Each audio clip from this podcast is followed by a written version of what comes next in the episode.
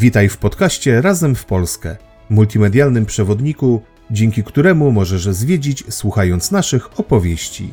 Atrakcje turystyczne, nieoczywiste miejsca, ciekawostki, legendy i zaskakujące historie. Sprawdźcie, co warto zobaczyć i jakie atrakcje odwiedzić.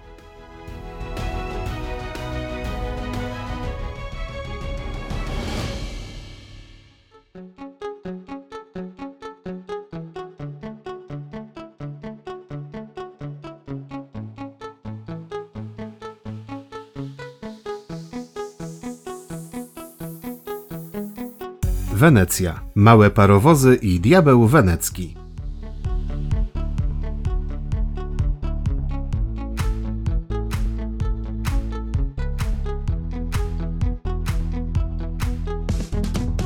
Witajcie. Zabieramy Was dziś w podróż do Wenecji, ale nie tej włoskiej z okazałymi rezydencjami dożów, tylko naszej polskiej, położonej w województwie kujawsko-pomorskim w pobliżu Żnina. W średniowieczu słynny diabeł wenecki wzniósł tu dla swojej małżonki rezydencję, która miała jej zastąpić okolice Adriatyku. W bliższych nam czasach działała tu jedna z ciekawszych krajobrazowo kolei wąskotorowych, gdzie małe parowozy przemierzały szlak pomiędzy jeziorami. Przygotujcie się na niezapomnianą przygodę pełną ciekawostek, bo nazwa Wenecja zobowiązuje. Sprawdźcie, co zobaczyć i jakie atrakcje oferuje Wenecja. Gotowi?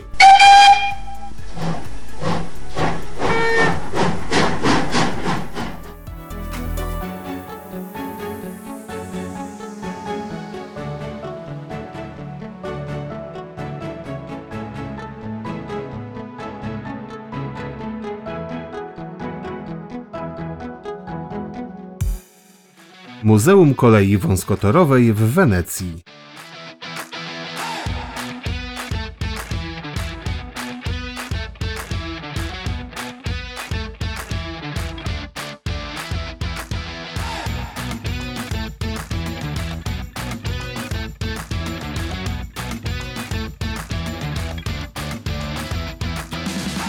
Wenecja to nieduża, pięknie położona miejscowość na przesmyku między trzema jeziorami. Ale malowniczy krajobraz to tylko jeden z powodów, dla których warto tu przyjechać. Niewątpliwą atrakcją Wenecji jest Muzeum Kolei Wąskotorowej, jeden z największych w Europie skansenów kolei wąskotorowej o rozstawie 600 mm. Na przełomie XIX i XX wieku Żnińska Kolej Powiatowa była głównym środkiem komunikacji w regionie. Przewożono nią płody rolne, towary, pocztę, a do pracy i szkół dojeżdżali nią mieszkańcy Pałuk.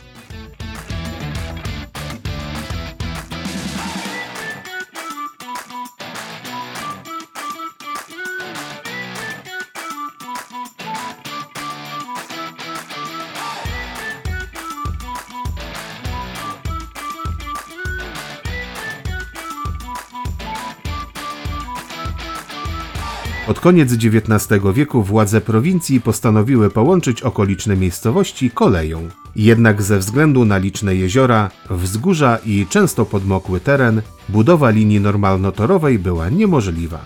Dlatego zdecydowano o budowie sprawdzonej w Niemczech kolei wąskotorowej. Dodatkową zaletą takiego wariantu były niskie koszty budowy oraz późniejszej eksploatacji.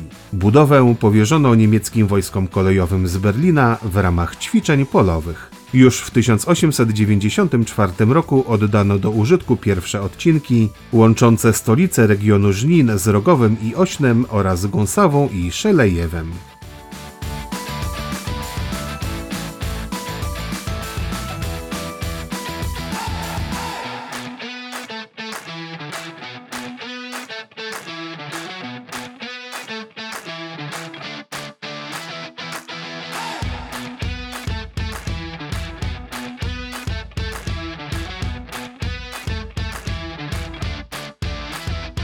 Szczytowym okresie swojego rozwoju kolejka z zawrotną prędkością 20-25 km na godzinę obsługiwała trasy o łącznej długości niemal 80 km. W żnińskiej lokomotywowni stacjonowało stale 10 parowozów, a zatrudnienie znalazło kilkadziesiąt osób, stając się tym samym jednym z największych pracodawców w regionie. Wykorzystywano ją głównie do przewozu towarów do portu śródlądowego, który znajdował się w Ostrówcach. Linia działała nawet w czasach, gdy przewozy pasażerskie zostały czasowo zawieszone. Ale podstawowym zadaniem kolejki, którą najbardziej doceniali okoliczni mieszkańcy, był transport pasażerski. Ludzie we w miarę komfortowych warunkach mogli podróżować od miejscowości do miejscowości.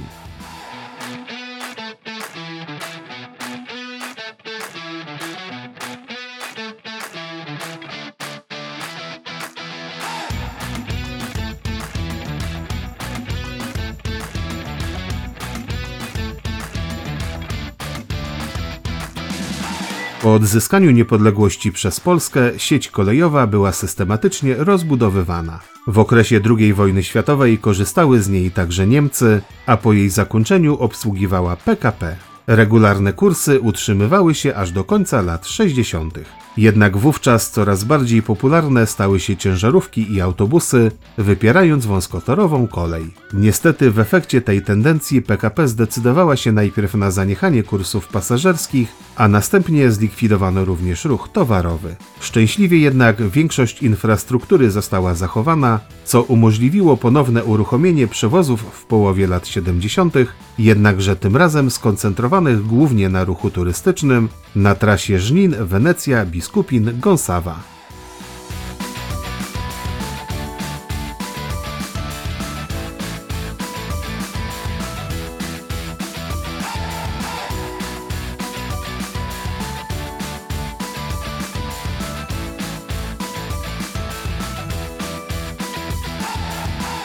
Dziś Pałucka Ciuchcia po wielu przekształceniach własnościowych jest oddziałem Muzeum Ziemi Pałuckiej w Żninie i rokrocznie przewozi niemal 100 tysięcy pasażerów, będąc jednocześnie jedną z najbardziej rozpoznawalnych wizytówek regionu. W 1972 roku utworzono Muzeum Kolei Wąskotorowej przy stacji Wenecja, które dziś jest chyba największym tego typu skansenem kolejowym w Europie.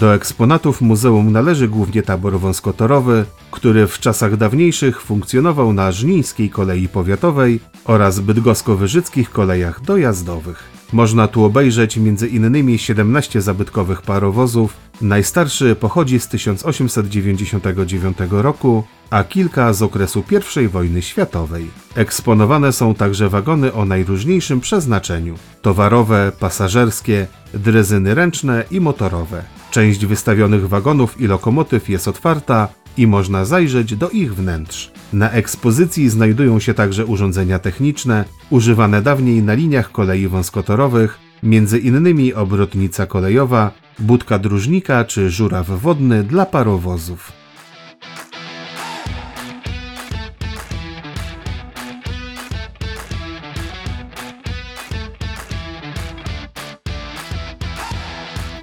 Zamek Diabła Weneckiego.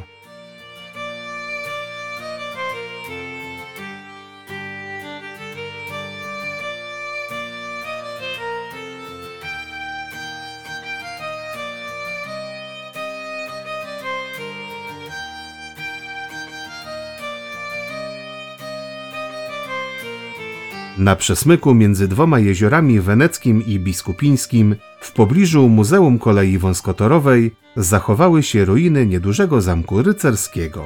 Wzniósł go około 1380 roku kasztelan Nakielski i sędzia kaliski Mikołaj Nałęcz z Chomiąży. Zamek zbudowano na niewielkim wzniesieniu pośród podmokłych łąk. Jak głosi legenda, wybudował on go dla swojej żony, która marzyła o urokach Adriatyku. Gdy przywiózł ją do nowej siedziby, miał rzec: Masz tu swoją Wenecję. I tak już zostało. Zamek powstał na planie kwadratu o boku 33 metrów. Otaczał go ceglany mur wzniesiony na kamiennych fundamentach wspartych skarpami. Główny budynek mieszkalny zamku został wzniesiony wzdłuż całego zachodniego muru. Wjazd na dziedziniec prowadził od strony południowej, a poprzedzało go umocnione przedbramie. Dodatkowym elementem obronnym była otaczająca całe założenie fosa, której brzegi umocniono drewnem.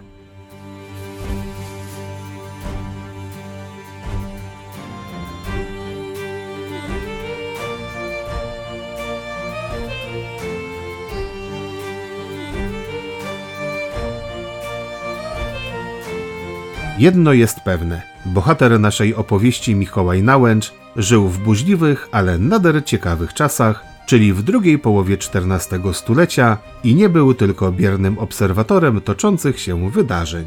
W jego życiu nie brakowało wielkiej polityki, sądowych batalii i krwawej wojny. Dożył sędziwego wieku, co w tamtych czasach nie było regułą. Mikołaj Nałęcz był nazywany przez mu współczesnych diabłem weneckim. Na ten barwny przydomek zasłużył sobie surowością orzekanych wyroków i awanturniczym charakterem, niejednokrotnie dając się we znaki zarówno sąsiadom, jak i politycznym oponentom.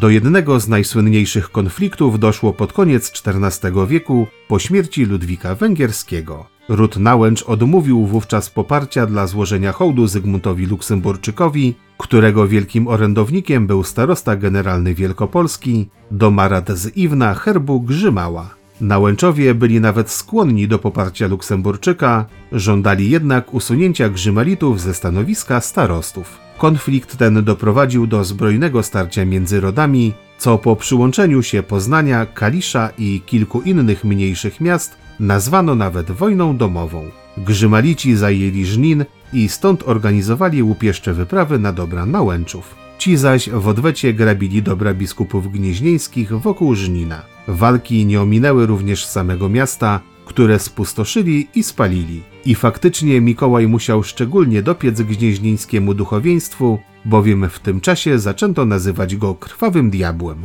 Kres wojnie domowej w Wielkopolsce położyło dopiero małżeństwo Jadwigi z Jagiełłą i wygaśnięcie sporów o sukcesję korony Polski.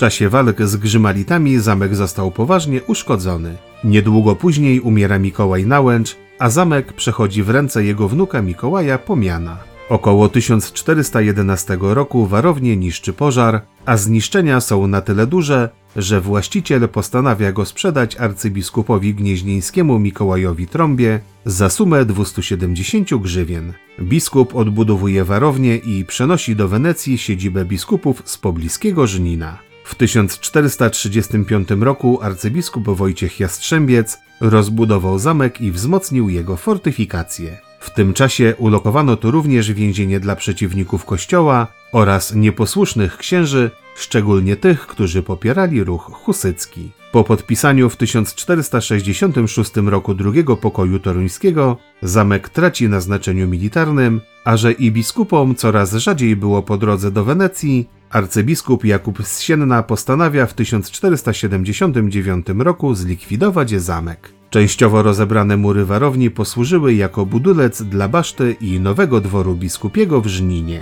Śmierć arcybiskupa rok później przerwała pracę nad żnińską rezydencją, co uratowało zamek od całkowitej rozbiórki. Zamek w Wenecji był jedną z najkrócej funkcjonujących budowli obronnych średniowiecza w Polsce, był zamieszkały zaledwie około 100 lat.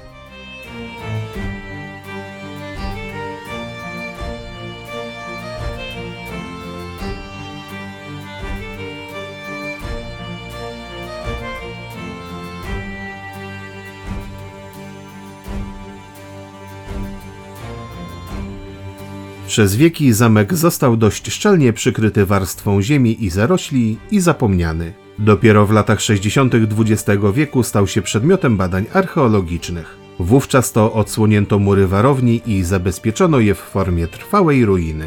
Dziś zobaczyć tu można wysokie ceglane mury, umocnienia przedbramia i pozostałości wieży. Zachowały się także fragmenty muru zewnętrznego z narożnymi cylindrycznymi bastejami. Wokół zamku możemy także obejrzeć repliki maszyn oblężniczych lub pograć w gry modne w średniowieczu.